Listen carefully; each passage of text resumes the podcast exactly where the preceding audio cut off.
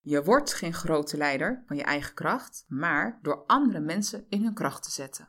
Leuk dat je luistert. Welkom bij deze aflevering van Podium voor Goed Politiewerk.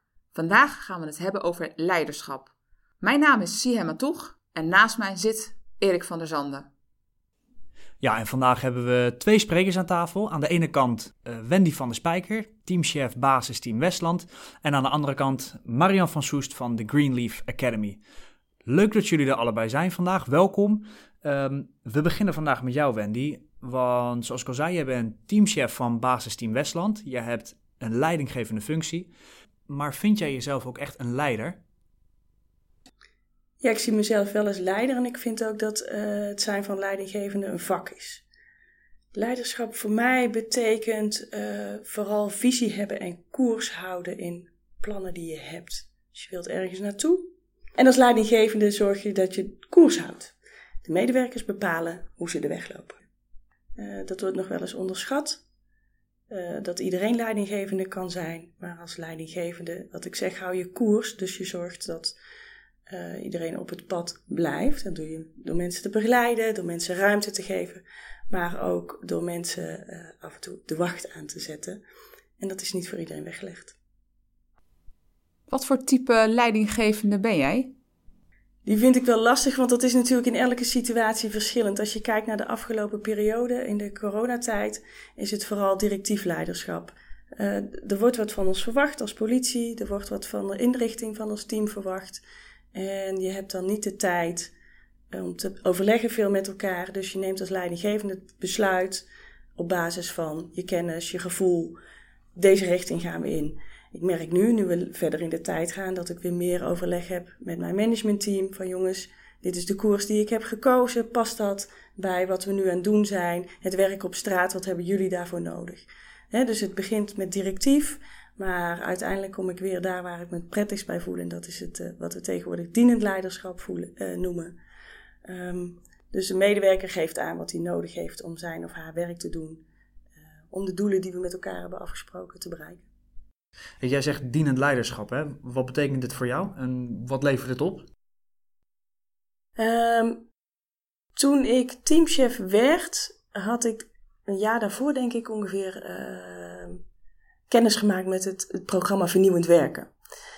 En dat past mij als een jas. Dus je gaat eerst met de buitenwereld nu eens vragen: van goh, wat verwacht je nou echt van jouw politie? Um, als je het dan hebt over een commercieel bedrijf waar jij het net over had. Uh, wat doen zij beter is goed in de markt kijken wat die van hun vraagt en daar hun werkzaamheden op, op inrichten. En naar mijn gevoel hebben we als politie heel lang gewoon gedaan wat wij dachten wat goed was voor de ander.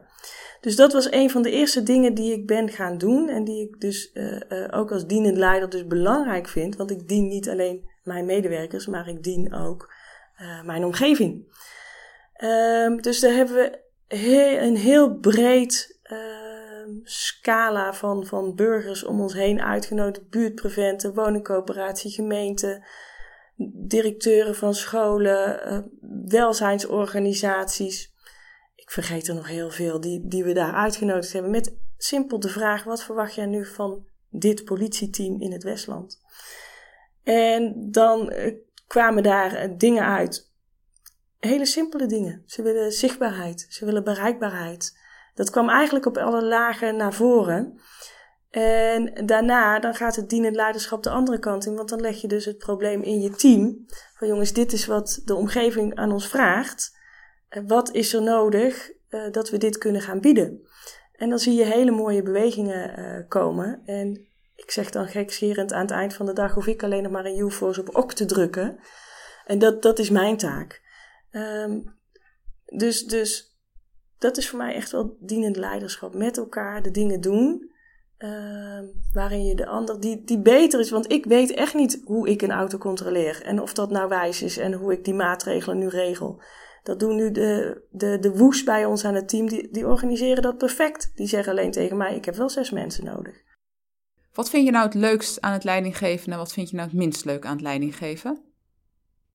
Het leuke is natuurlijk aan het eind van de dag als je dat hebt voor elkaar gekregen wat wat, wat je heel graag zou willen. Uh, hè? Dus, dus nu ook in die crisis, dat je ziet dat mensen hoe ze naar buiten gaan, hoe ze zich ontwikkelen. Ehm, als ik ook persoonlijk medewerkers zie die, die je de groei daarvan ziet, omdat je ze hebt kunnen begeleiden. Ja, dat, dat is fantastisch om te zien. Dan, dan, dan betrap ik me er zelf op. In Den Haag vandaag hadden we zo'n voorbeeld. Dan zit ik bijna nou, dan zit ik gewoon met een glimlach op mijn gezicht te kijken naar een medewerker van mij, waarvan ik weet waar ze vandaan is gekomen. En hoe fantastisch ze het nu heeft uh, opgepakt en daarvoor een hele groep staat te vertellen. Het is een klein voorbeeld, maar die komen eigenlijk elke dag in grotere of kleinere vormen wel voor. Hè? Dus ik kan vooral genieten van de groei van medewerkers en wat zij neerzetten. Wat ik lastiger vind is, ik wil heel graag het hitteschild zijn. En soms kan je niet zijn, omdat het er toch doorheen komt. En het zijn geen kleine kinderen, dus ik hoef geen dingen voor mijn medewerkers weg te houden. Maar af en toe zou ik willen dat ik het ze nog ietsje makkelijker zou kunnen maken. Wat vind je lastig aan het leidinggeven? Wat ik het meest ingewikkelde vind is de onderstroom. De dingen die gebeuren rondom je heen, die je wel voelt, maar die niet op tafel komen. Uh, daar merk ik dat ik die lastig vind. Die voel ik letterlijk in mijn buik. Uh, van er gebeurt hier iets, uh, maar er komt niet op tafel wat er aan de hand is dat moet ik mezelf echt wel toezetten om dan vragen te blijven stellen. In plaats van dan kort erop te gaan zitten en vanuit mijn gevoel een besluit te nemen. Uh, dus dat zijn wel dilemma's. Je staat er ook vaak wel alleen voor. Je kan niet iedereen belasten met de zorgen waar je voor staat, want dat is de taak die je hebt. Uh, verder vind ik niet dat je heel veel dilemma's loopt. Ik ben misschien ook niet de leidinggevende die vaak in onmogelijkheden, maar bijna altijd wel een mogelijkheid ziet. Dus als dingen niet kunnen, als ik het kan bedenken, dan kan het ook. Je moet alleen de juiste mensen om je heen verzamelen die dat dan met jou kunnen verwezenlijken. Dus meestal worden dilemma's ook wel kansen waar je beter met elkaar van wordt. Hey, en wat denk jij, is leidinggeven bij de politie anders dan leidinggeven in een commercieel bedrijf?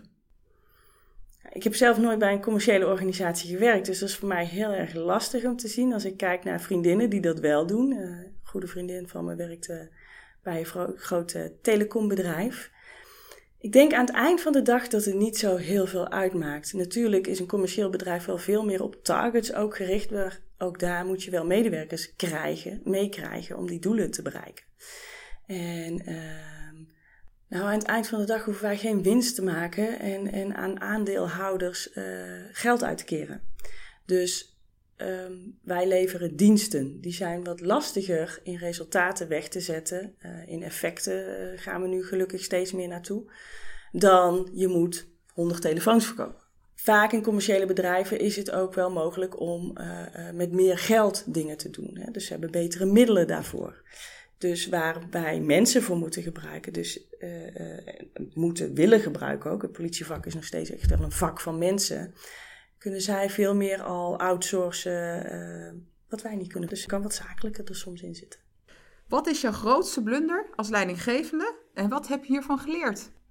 Oh jee, hoeveel wil je er hebben? Kijk, aan het eind van de dag ben ik ook maar gewoon een mens. En ik, ik heb wel gemerkt, het is een situatie geweest waar ik niet trots op ben, dat, dat als het om de groep gaat, ik wil altijd dat de groep het goed heeft. En als dan één iemand ervoor zorgt dat, dat de groep aangevallen wordt, en ik zet hem nu heel zwaar aan, dan reageer ik, heb ik gereageerd van, nou, dan krijgt die de tik, want dat accepteer ik niet. Terwijl, als ik daar ietsje langer over na had gedacht, dan had ik misschien meer naar de drijfveren kunnen vragen, wat is de reden dat je dit gedrag laat zien? En dus is dat een blunder? Nou, het is, dat is ook een leermoment echt geweest, waar ik rekening altijd mee moet houden dat ik mensen niet te snel aantik omdat ze de groep niet leuk houden. Dus of, ja, en blunders, ja joh, ik heb er zoveel. Ik uh, gegarandeerd als ik, als ik uh, uh, met, met iemand in gesprek ga, wat een belangrijk gesprek is, dat ik de koffie over me heen gooi. De koffie gaat over de tafel, net iets te hard lag. Ja, ze zijn er altijd. Wie is een groot voorbeeld voor jou als het gaat over leiderschap? Dat is niet één iemand, want dat zijn er meerdere en dat zijn er die je gedurende je leven nou, met je meelopen, naast je lopen, bij je komen. Dus het begint, denk ik, bij iedereen, bij, bij de ouders. En voor mij dan vooral mijn vader, hoe die dat altijd heeft gepakt. Die eigenlijk mij heeft geleerd van, ga maar, doe maar. het hoogst is dat het mis kan gaan. Dan zeg je sorry, je leert ervan en je gaat weer door. Dat is een grote les. En ik merk ook wel dat in mijn werkleven ik altijd mensen om mij heen heb gezocht die die mentaliteit ook hebben. He, die, die mij zeggen van maak die fout, ga ervoor, doe wat je leuk vindt, doe wat je goed kan. Doe ook vooral dingen die je niet goed kan, niet. Laat die, als een ander ze graag doet, daar neer. Ga daar op zoek naar mensen die dat liever doen. Um, dus ja, het zijn wel meer mensen om me heen, niet één. We komen zo bij je terug, uh, Wendy. Ook aanwezig vandaag is uh, Marian van Soest. Marian, kan je jezelf even kort voorstellen? Nou, ik ben Marian van Soest en dank uh, dat ik hier mag zijn. Ik ben directeur van de Greenleaf Academy. En daar hoort nog een zinnetje bij, de Greenleaf Academy for 21st Century Servant Leadership. Een academy, een opleidingsinstituut voor leiderschapsontwikkeling. Um, daar ben ik nu, denk ik, een maandje of zes, mede met Alex de Vries eindverantwoordelijke voor. Wij zijn onderdeel van de hostmanship groep. En um, de jaren daarvoor uh, kenmerken zich door dat ik ook zelf bij de hostmanship groep heb gewerkt als associate partner aangesloten. En daar nou ja, organisaties heb mogen begeleiden om door de ogen van de klant te gaan kijken. organisaties in allerlei onderdelen van retail tot uh, overheid, tot ziekenhuis, tot corporates. En uh, daarvoor uh, was mijn carrière in het bankwezen. En wat is jouw visie op leiderschap? Wat ik eigenlijk vind dat leiderschap voor mij zou moeten zijn, is dat er een persoon in een organisatie is die, ehm, die stopt met brandjes blussen, maar die voorkomt dat de brand ontstaat. Dat is voor mij een, een leider. Iemand die het vizier vooruit heeft en, en, nadenkt over welke koers je moet lopen. Dat vind ik ook een hele belangrijke taak van een leider. Duidelijk zijn in welke richting en welke koers. En uiteindelijk zoveel mogelijk daarin uh, zijn organisatie en de mensen in de organisatie probeert te faciliteren. Uh, zodat dat zo optimaal mogelijk uh, die koers gelopen wordt. En leiderschap is voor mij ook, is ook twee kanten. Er zit echt een, en het is bijna 50-50. Je bent belangrijk om een organisatie naar bepaalde resultaten te krijgen en de doelen van de organisatie. Maar je bent net zo verantwoordelijk voor goede relaties in die organisatie. En dat is voor mij, een leider is in mijn ogen een verbinder. Iemand die echt, ik zeg altijd, mensen zeggen ja, ik wil graag met mensen werken. dat is fijn. maar je moet ook wel in staat zijn om een koers uit te stippelen en, uh, en, en knopen door te hakken. Maar wel altijd, zeg maar, vanuit het respect voor de mensen waarvoor je dat doet. Was, ja, het is moeilijk om in een podcast te tekenen. Ik teken ook heel vaak um, leiders die medewerkers aansturen. En die medewerkers aansturen om zijn of haar leiderschap optimaal te laten verlopen. Zodat de bazen daarboven tevreden zijn over hem of haar als leider. Dat is in mijn ogen geen leiderschap. Leiderschap is iemand die medewerkers helpt en aanstuurt, zodat uiteindelijk die medewerkers optimaal bijdragen aan de organisatie. Dus de spotlight, een goede leider zet de spotlights op zijn medewerkers. In een van onze eerdere afleveringen hebben we gesproken over hostmanship. Hostmanship benoemt dienend leiderschap, oftewel servant leadership. Wat betekent dat volgens jou?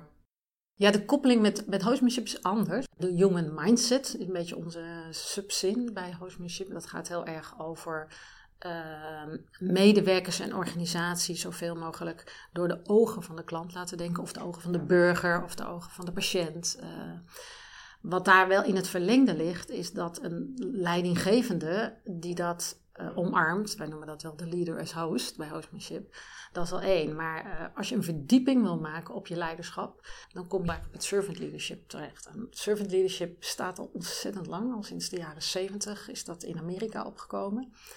En is eigenlijk, nou ik zou bijna zeggen op dit moment, is het een fantastische tijd om met servant leadership bezig te zijn. Of dienend leiderschap in het Nederlands.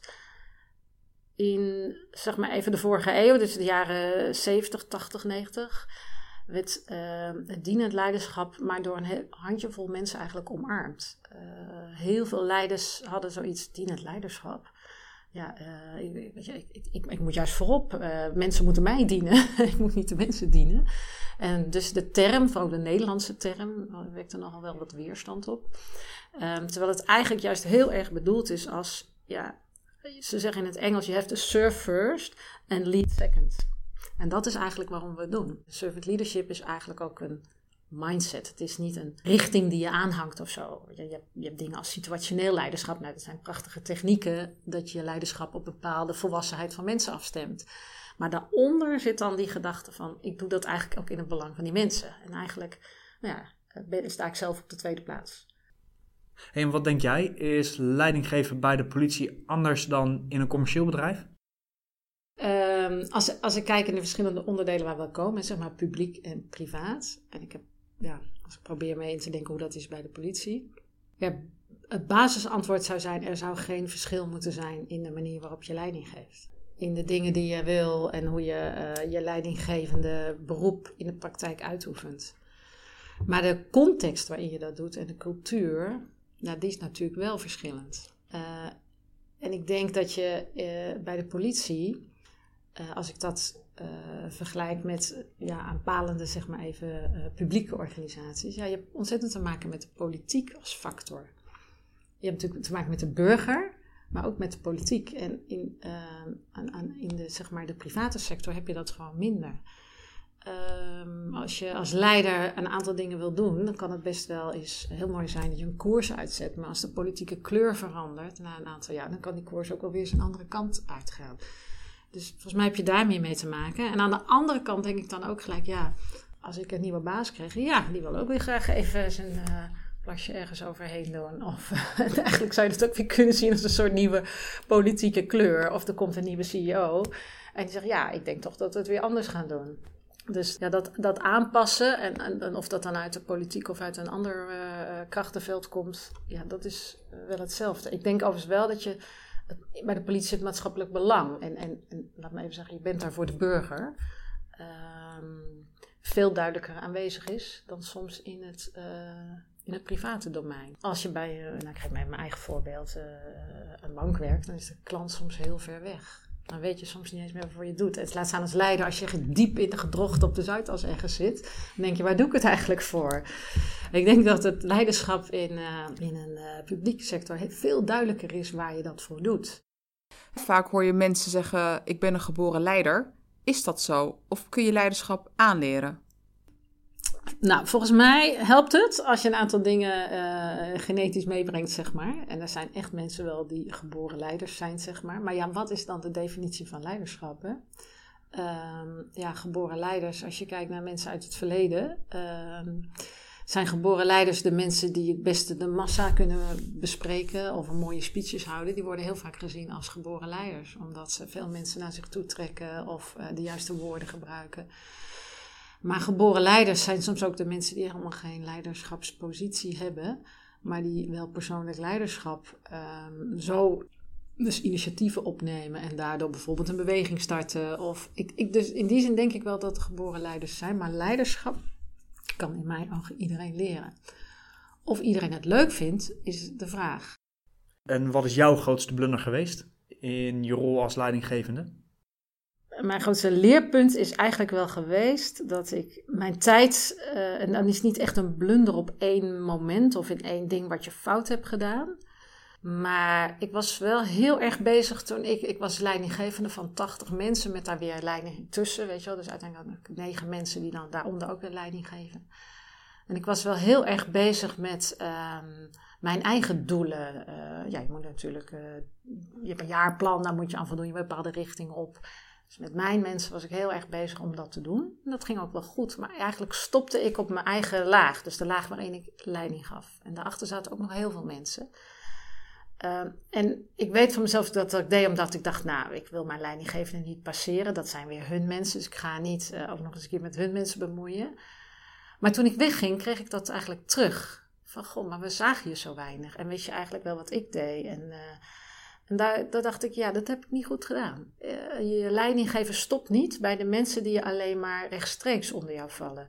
Je leiderschap moet doorgaan, ook de je mensen van je hele afdeling of je hele team. Of, die, die vinden het ook belangrijk dat jij ze ziet staan. En um, daar had ik meer tijd voor moeten maken. Uh, die tijd, daarna ben ik hem ook echt gaan maken. En minder tijd gegeven aan de mensen boven mij. Want dat vond ik toen heel belangrijk. Maar dat is eigenlijk helemaal niet. Het gaat veel meer over dat de mensen die een stapje verder van je weg zijn, net zo goed weten dat je in hen geïnteresseerd bent en dat ze naar je toe kunnen komen als dat kan. En dat je leidinggevende laag die er eventueel tussen zit zich ook niet uh, gepasseerd voelt als jij een keer wat doet voor hun mensen. Uh, dankjewel Marian. Ik ga heel even terug naar Wendy. Wendy, wat zou jij startende leidinggevende mee willen geven op het gebied van leiderschap? wees lief voor jezelf. En gun jezelf tijd dat je het leert. Ik heb mezelf heel erg de eerste periode opgelegd dat het allemaal goed moest zijn. Ik moest een goede leider zijn. En ik ben nog steeds aan het leren elke dag, want zo lang ben ik ook nog geen teamchef. Maar mijn schouders zaten ongeveer tot aan mijn oren de eerste periode dat ik uh, teamchef was. Van de spanning van ik moet het goed doen. Terwijl ik denk, ja waarom? Geef gewoon aan dat je het ook niet weet. En, en, en ben lief voor jezelf. Ja, Marian, dan ook nog aan jou. Wat zou jij nou mee willen geven aan startende leidinggevenden?